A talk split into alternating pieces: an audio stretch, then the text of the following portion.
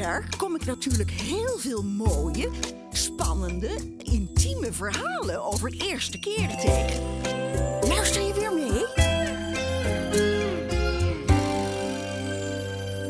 Mijn eerste keer zoenen, dat was eh, eh, op een schoolfeest. In de derde klas was dat. Toen was ik 15 jaar oud.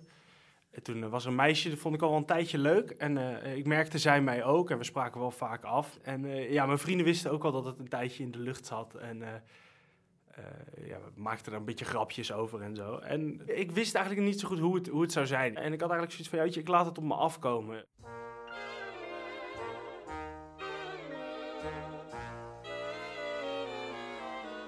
Ze had een, een hele mooie jurk aangetrokken, want het thema was roze.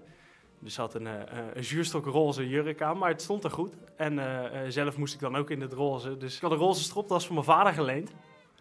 Nou, toen stonden we bij elkaar en toen liepen mijn, mijn vrienden die liepen weg. Want die dachten, nou, als ze dan weglopen, misschien gebeurt er wat. En nou, het duurde even en het duurde even. En toen op een gegeven moment boog zij haar hoofd naar me toe. En toen dacht ik, nou ja, nu, nu moet ik eigenlijk. Ja, de eerste tien seconden had ik een soort tinteling door me heen. Zo van, ja, we zijn dit nu echt aan het doen.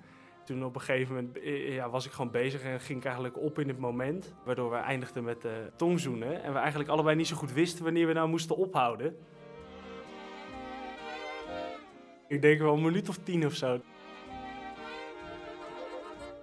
Ja, op een gegeven moment sta je bezig, ja, ben je bezig. Je vindt het allebei wel, eh, wel leuk. Maar ja, dan is toch dat moment dat je zeg maar loskomt van elkaar.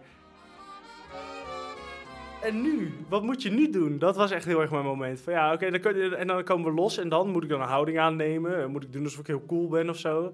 Weet je, ik wilde ook niet te erg laten merken dat dit soort doel op zich was. En dat ik er heel erg blij mee was dat het dan gelukt was. Dat wilde ik ook weer niet laten zien. Dus dat, is, dat, is, dat vond ik echt het moeilijkste. Het op zich viel, het viel wel mee. Maar ja, hoe je je daarna gaat gedragen, ook tegenover zo iemand, dat was echt het allermoeilijkste eraan. Totdat eh, een vriend van mij eh, me op mijn rug tikte en zei... eh, ja, mijn vader staat buiten te wachten, we moeten zo naar huis. Ja, we kwamen los van elkaar en zei ja, ik denk dat ik naar huis moet. Ik wil nog niet, maar ja, anders moet ik lopen. En toen zei ze, ja, dat lijkt me dan handig dat, dat je dan maar naar huis gaat. Later kregen we een relatie en eh, ik kan me niet herinneren dat we nog een keer tien minuten lang hebben gezoend. Wil je meer verhalen horen? Kijk dan op de drcorryshow.nl